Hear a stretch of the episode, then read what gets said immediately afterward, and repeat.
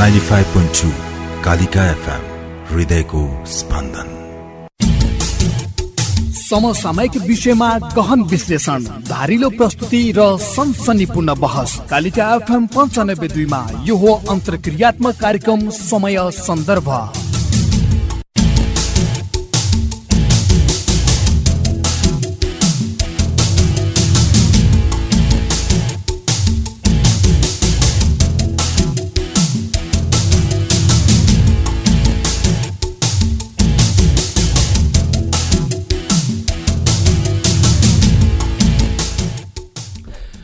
नमस्कार कार्यक्रम समय सन्दर्भबाट Raju सापकोटाको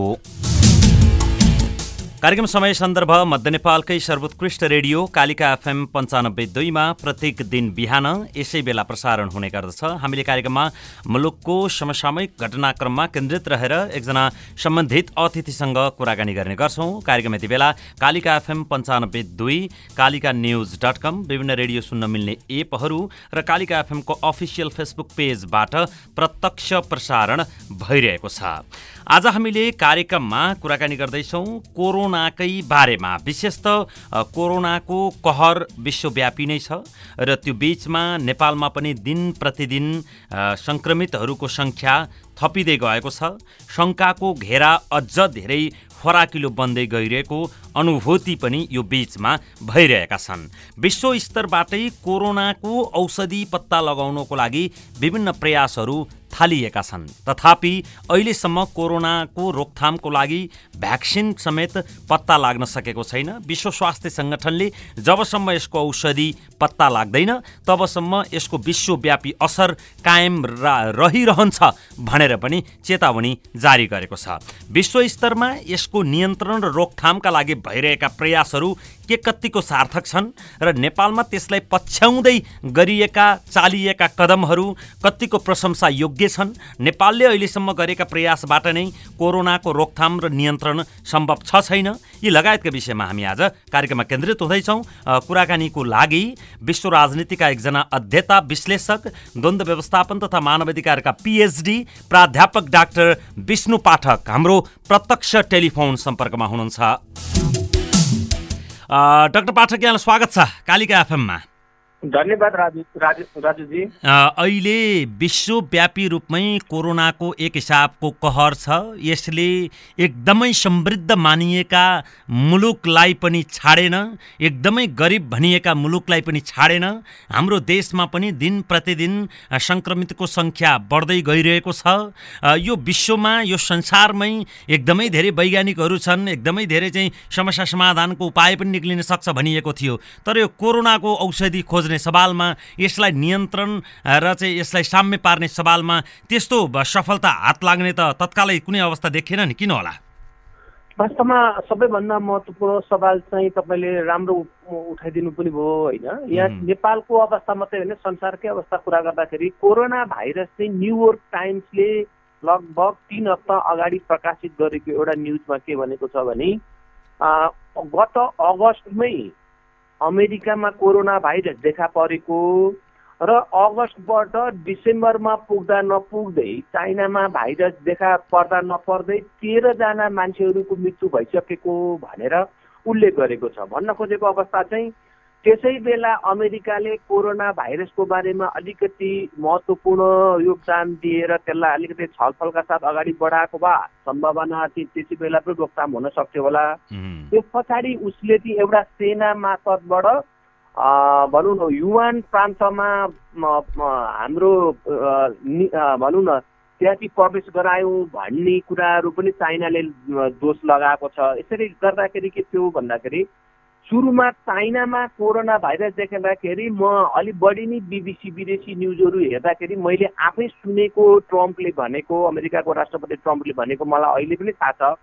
Corona virus China imported Chinese corona virus भनेर गिद्याउने गरेको लगभग आजभन्दा चालिस दिन अगाडि हामीले प्रत्यक्ष रूपले देखेको अवस्था पनि हो। र अहिले चाहिँ कोरोनाकै कारणले भनौँ न कोभिड नाइन्टिनकै कारणले उन्नाइस लाख तेइस हजार सात सौ उनसत्तरीजना अहिले तपाईँसँग कुरा गर्दा अहिलेको तथ्याङ्क म भन्दैछु।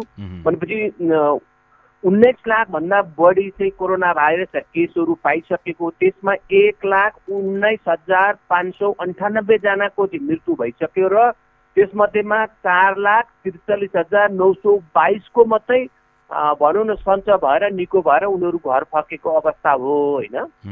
यसरी भन्नुपर्दाखेरि अमेरिकामा गत चौबिस घन्टामा मात्रै पनि छब्बिस हजार पाँच सौ छैसठीजना नयाँ केसहरू देखिएको अवस्था छ।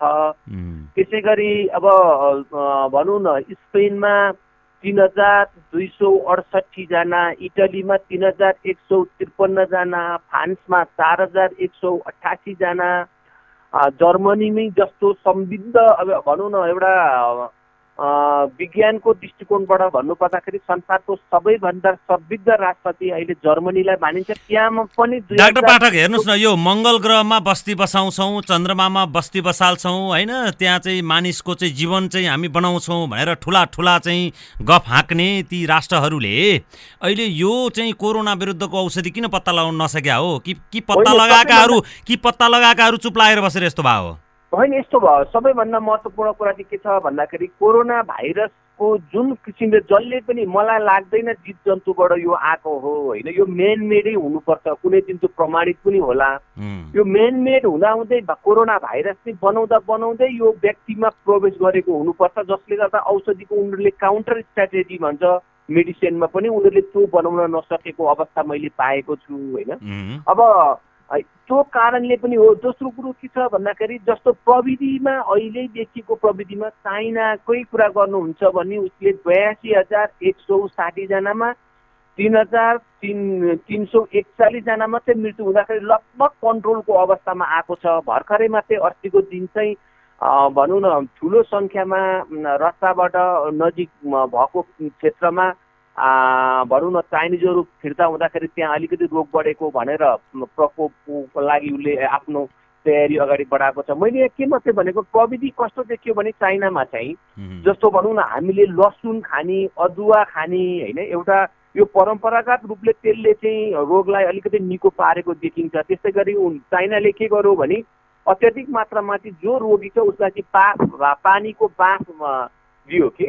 र त्यो प्रविधि पसिना शक्तिहरूसँग पाइँदैन। जहाँसम्म मङ्गल ग्रहमा बस्ने कुरा छ यो चाहिँ स्वाभाविक रूपले भनौँ न बिस्तारै गरेर एउटा विकासको क्रममा त्यहाँ पुग्न सक्ने भनेर जुन चर्चा परिचर्चा गरेको थियो तथापि अहिलेको अवस्था चाहिँ त्यहाँ त्यसरी अनुसन्धान गर्ने अवसर पनि प्राप्त भएन। दोस्रो पहिलो कुरा। दोस्रो कुरो त के छ भने अवसर यसलाई चाहिँ धेरै वैज्ञानिकहरूले आफ्नो अनुसन्धानको दायरामा राख्दा राख्दै पनि प्राविधिक रूपले पनि यसलाई अनुसन्धान गरेर एउटा कन्क्लुजनमा पुगेर इन्जेक्सनै निकाल्न त लामो समय लाग्ने भयो जस्तो भारतले पनि के भनेको छ भने हामीले औषधि निकाल्यौँ भनेको छ।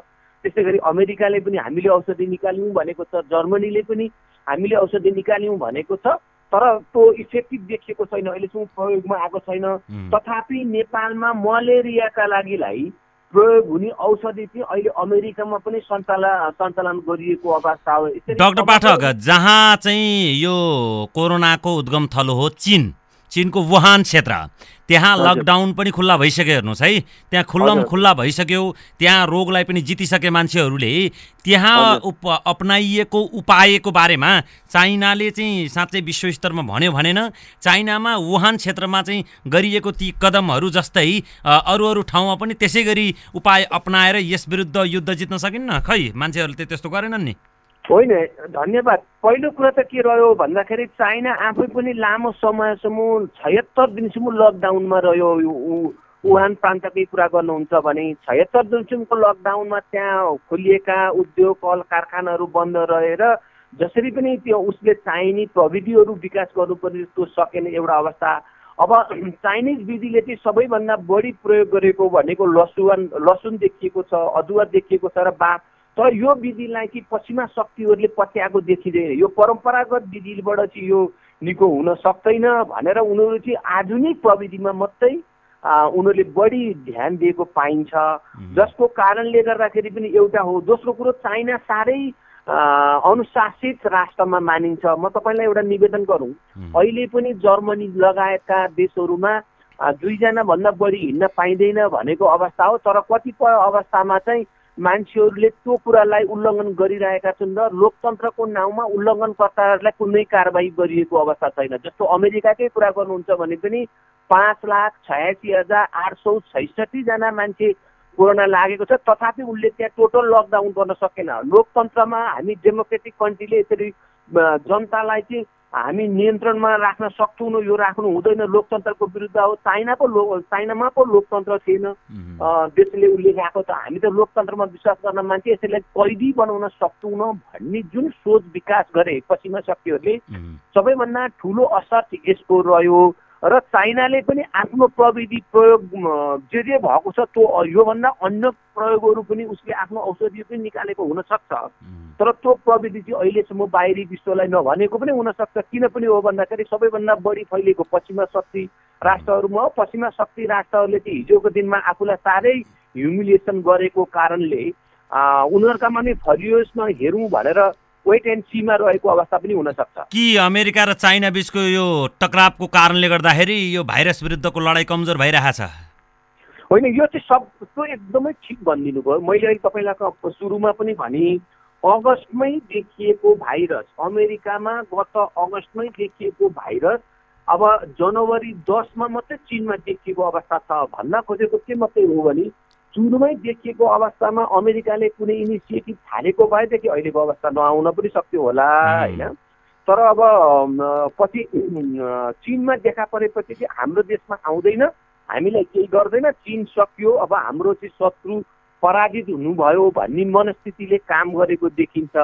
र सबैभन्दा ठुलो कुरो त के हो भन्दाखेरि एक अर्काले कसले कसलाई पछार्ने भन्ने अवस्थामा हो। अब जहाँसम्म अहिलेकै अवस्थाको कुरा गर्नुहुन्छ अहिले चिन समृद्ध देखिसकेको छ। हिजोको दिनमा दस हजारको औषधि उसले उत्पादन गर्थ्यो भनौँ न औषधिका लागि किट्सहरू उत्पादन गर्थ्यो भने अहिले त दस लाख उत्पादन गर्दा पनि नपुग्ने अवस्था छ। भनेपछि त चाइनाको अर्थतन्त्र त एकदमै अगाडि बढेर जाने अवस्था छ। जहाँसम्म अमेरिकाको कुरा गर्नुहुन्छ जस्तो भनौँ न म तपाईँलाई भन्छु फेरि पनि भन्छु।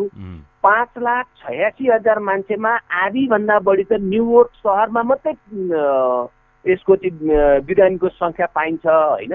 कोरोना सङ्क्रमितको सङ्ख्या पाइन्छ भनेदेखि जस्तो हिजोको दिनमा मात्रै छब्बिस हजार पाँच सौ छैसठीजनाको कुरा गर्नुहुन्छ भने तेह्र हजार प्लस त न्युयोर्कमा मात्रै सङ्क्रमित पाइएको अवस्था हो। यसरी मैले तपाईँसँग भन्न खोजेको के मात्रै हो भन्दाखेरि जस्तो भनौँ न त्यहाँको हिजोको मात्रै अब टोटल देशको कुरा गर्नुहुन्छ भन्दाखेरि तेइस हजार छ सौ हिजोसम्मको अथवा अहिलेसम्मको कुरा गर्नुहुन्छ भने तेइस हजार छ सौ एकासीजना मान्छेहरूको मृत्यु भइसकेको छ अमेरिकामा भन्दाखेरि अहिले भर्खर गत यो जस्तो भनौँ न यो बेलायतको समय अनुसार यो डाटाहरू परिवर्तन भएको छ। गत रातिको कुरा गर्नुहुन्छ भने अहिले लगभग आठ घन्टामा पन्ध्र सौ सोह्रजना मान्छेहरू चाहिँ मरिसकेको अवस्था छ अमेरिकामा मात्रै। मैले तपाईँसँग यो चट्याङ्क किन पनि भनेको भने पहिला चाहिँ ट्रम्प प्रशासनले खेलाटी गरेर यसलाई हामीलाई केही गर्दैन हामी यसलाई चाहिँ नियन्त्रण गरिहाल्छौँ भनेको अवस्था थियो तर अहिले चाहिँ बिस्तारै अमेरिका पनि अलिक सिरियस बनेको अवस्था छ र रोग नियन्त्रणको क्रममा अब जस्तो स्पेन इटलीमा चाहिँ रोग नियन्त्रणतिर गइसकेको अवस्था छ फ्रान्समा पनि सङ्ख्या बिस्तारै घट्ने क्रममा छ जर्मनी बेलायतमा अलिक बढी बढिराखेको अवस्था छ। यसरी भन्नुपर्दाखेरि केही समयमा त यो बिस्तारै घट्ने क्रममा त डिक्लाइन रेटमा त जाने जाला तर अमेरिकामा चाहिँ सङ्ख्यात्मक रूपले हेर्नुपर्दा पनि यसको सङ्ख्या निकै ठुलो हुन सक्ने र यसले संसारलाई प्रभाव पार्न सक्ने अवस्था देखिन्छ। डाक्टर पाठक नेपालको अवस्था त अब हेर्नुहोस् है दिनदिनै सङ्क्रमितहरू बढिरहेछन् चौधजना पुगिसके। अब तपाईँ अहिले काठमाडौँमा हुनुहुन्छ भने सन सिटी अपार्टमेन्टमा रहेका तिनजनालाई पनि चाहिँ आरडिटीमा देखिएको छ। अरू ठाउँमा पनि सङ्क्रमित बढ्ने सङ्ख्या थपिँदै गएको छ। नेपालबाट बाहिर खाडी मुलुक गएका नेपालीहरू चाहिँ नेपाल फर्काउने सम्भावना देखिएको भनेर अत्यन्त चिन्ता व्यक्त गरिएको छ। त्यो अवस्था आयो भने नेपालमा त एकदमै धेरै सङ्कट हुने भयो त। होइन नेपाल त स्वाभाविक रूपले सबैभन्दा महत्त्वपूर्ण कुरा तपाईँलाई यहाँ निवेदन गर्नुपर्छ। जहिले पहिले पनि नेपाललाई हेर्नु पर्दाखेरि हामीले हरेक कुराले रोजीरोटी बेटी जे जे भनौँ हरेक खानपिनको कुरादेखि लिएर हाम्रो लवाद भाषाका कुराहरू गर्ने हो भने पनि भारतसँग हामी बढी नजिक छौँ। भारतमा अहिले बिहान अहिले तपाईँसँग कुरा गर्दा समूहको तथ्याङ्कको कुरा गर्नुहुन्छ भने दस हजार चार सौ त्रिपन्नजना मान्छे अहिलेसम्म सङ्क्रमित भइसकेको अवस्था हो। त्यसमा गत चौबिस घन्टामा मात्रै एक हजार दुई सौ अडचालिसजना मान्छे सङ्क्रमित भएको अवस्था छ र तिन सौ अन्ठाउन्नजनाको चाहिँ मृत्यु भइसकेको अवस्था हो। मैले यहाँ तपाईँसँग भन्न खोजेको नेपालमा त्यसरी हेर्नु पर्दाखेरि र संसारको अहिलेको कोरोनाको फैलावट हेर्नु पर्दाखेरि आजका मितिसम्म दावाका साथले भन्न सकिन्छ सबैभन्दा कम प्रभाव परेको मध्येमा एक दुई चारवटा देशमध्येमा नेपाल पर्छ। तथापि अहिलेसम्म तपाईँले सन सिटीमा देखेको तिनवटा केस सही गर्ने हो भने सत्रजनामा मात्रै देखेको छ र हामीसँग मृत्यु एउटा पनि भएको अवस्था छैन। भोलि त होला। त्यसरी हेर्नु पर्दाखेरि देखिन्छ तर तथापि हाम्रो नेपालमा चाहिँ सङ्क्रमितको अवस्था जे जस्तो रहे पनि भोलि खाडी मुलुकहरूले तिमीहरूका मान्छे तिमीहरूकै देश लैजाऊ भन्ने अन्त बर्बाद भयो त। होइन म भन्दैछु यहाँ। अब सबैभन्दा खाडी मुलुक भन्दा सबभन्दा ठुलो समस्या चाहिँ जतिसुकै गरे पनि अहिले भारतमा नेपालीहरू कति सङ्ख्यामा काम गर्न जान्छन् भनेर भन्ने आधिकारिक तथ्याङ्क न त इन्डियासँग छ न त नेपालसँग छ। मलाई लाग्छ यो बिसौँ लाख छ कि? बिस लाख होइन बिसौँ लाखको सङ्ख्या छ। र अब भारतको सबभन्दा ठुलो कुरो खाडी मुलुकले त प्रभाव पार्छ। खाडी मुलुकको भन्दा पनि ठुलो प्रभाव चाहिँ भारतसँग हाम्रो सीमाकै कुरा गर्नुहुन्छ भने पनि पोरस बोर्डर भनौँ न पानी जसरी आलीबाट छिरेर तल्लो गरामा पस्छ आफै पस्छ त्यस्तै गरी प्रहरी सेक्युरिटीको चेक भन्दा भिन्न रूपले पनि जस्तो भनौँ न मानिसहरू हिजोकै कुरा गर्नुहुन्छ भने रौतहटमा आएको एकजना जुन युवा थिइन् उनी चाहिँ हिँडेरै आएको अवस्था थियो भने छिर्ने अवस्था छ। सबभन्दा ठुलो प्रभाव त्यसले पार्नेवाला छ। खाडी मुलुकमा पनि नपार्ने भन्ने कुरै छैन त्यसले पनि प्रभाव पार्नेवाला छ। तथापि उनीहरूको टेक्नोलोजी अलिक एडभान्स भएको कारणले गर्दा र त्यहाँ अलिक गइसकेपछि मान्छेलाई पनि सचेत गराउन सकेको कारणले त्यो सम्भावना कम छ। इन्डियाको कुरा गर्नुहुन्छ भने इन्डियाको कल्चर चाहिँ कस्तो देखियो अहिले पनि भन्दाखेरि यस्तो सङ्कटमा पनि संयुक्त रूपले भेला हुने खाने बस्ने जस्तो तपाईँलाई भनौँ कोरोना भाइरसको त्यस्तो महामारीको कुरा भइरहँदाखेरि दिल्लीले जुसल मुसलमानहरू संसारका मुसलमानलाई भेला गरेर त्यो कार्यक्रम जसरी बन्द गर्नुपर्छ त्यो बन्द गर्न सकेन। त्यसको प्रभाव चाहिँ इन्डियालाई पनि पर्यो अहिले नेपाललाई पनि परिरहेको अवस्था छ भनेपछि उनीहरूको त्यो जुन एउटा समूहगत कल्चर छ त्यो कल्चर चाहिँ अरूभन्दा भिन्न देखियो जस्तो नेपालमा पनि त्यो कल्चर कम देखिएको अवस्था छ। केही पहाडी सुदूरपश्चिमका केही पहाडी जिल्लाहरूमा त त्यहाँ मेलै लागो छ। तथापि अन्य ठाउँमा हेर्ने हुँदाखेरि त्यसको प्रभाव कम देखिन्छ। यसरी समग्रमा भन्नु पर्दाखेरि चाहिँ नेपालमा त औषधि तपाईँलाई भनौँ न यो बिचमा ज्वरो आयो रुगाखोकी लाग्यो भनेर भन्ने बित्तिकै औषधिमा कुनै पनि अस्पतालमा जस्तो तपाईँको टिचिङ हस्पिटलमा पनि के भयो पाँच छ दिन अगाडि भन्नुहुन्छ भने एउटा युवा ज्वरो आएर त्यहाँ गएका उनलाई त्यहाँ छिर्नै दिएन कि सुरुमा त। गेटबाटै छिर्न दिएन। सरकारी अस्पताल हामी के भन्दैछौँ भन्दाखेरि सरकारी अस्पतालमा त डक्टरहरू पनि मानव यो नाफामूलक भन्दा पनि मानवीय रूपले काम गर्छन् भन्ने अवस्था त्यहाँ पनि देखिएन। अहिले तपाईँले कोरोना भाइरसबाट आजका मितिसम्म एकजना पनि मान्छेको मृत्यु भइसकेको छैन। तर उपचार नभएर नेपालमा मृत्यु हुनेको सङ्ख्या उल्लेख्य छ। यसको जिम्मा डाक्टर पाठक सात बजेको छ। हामी अर्को कुनै कार्यक्रममा तपाईँसँग फेरि यो संवादलाई निरन्तरता दिनेछौँ। अहिलेको लागि समय उपलब्ध गराइदिनु भयो। तपाईँको यो तार्किक कुराकानीको लागि धेरै धेरै धन्यवाद छ। धन्यवाद राजुजी अनि तपाईँको टेक्निकल परिवार र सुनि श्रोतागणलाई पनि धन्यवाद।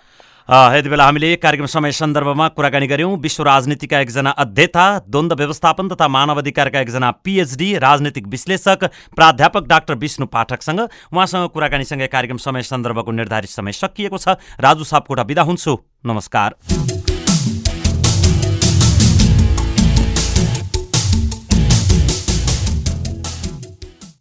Kalika FM 95.2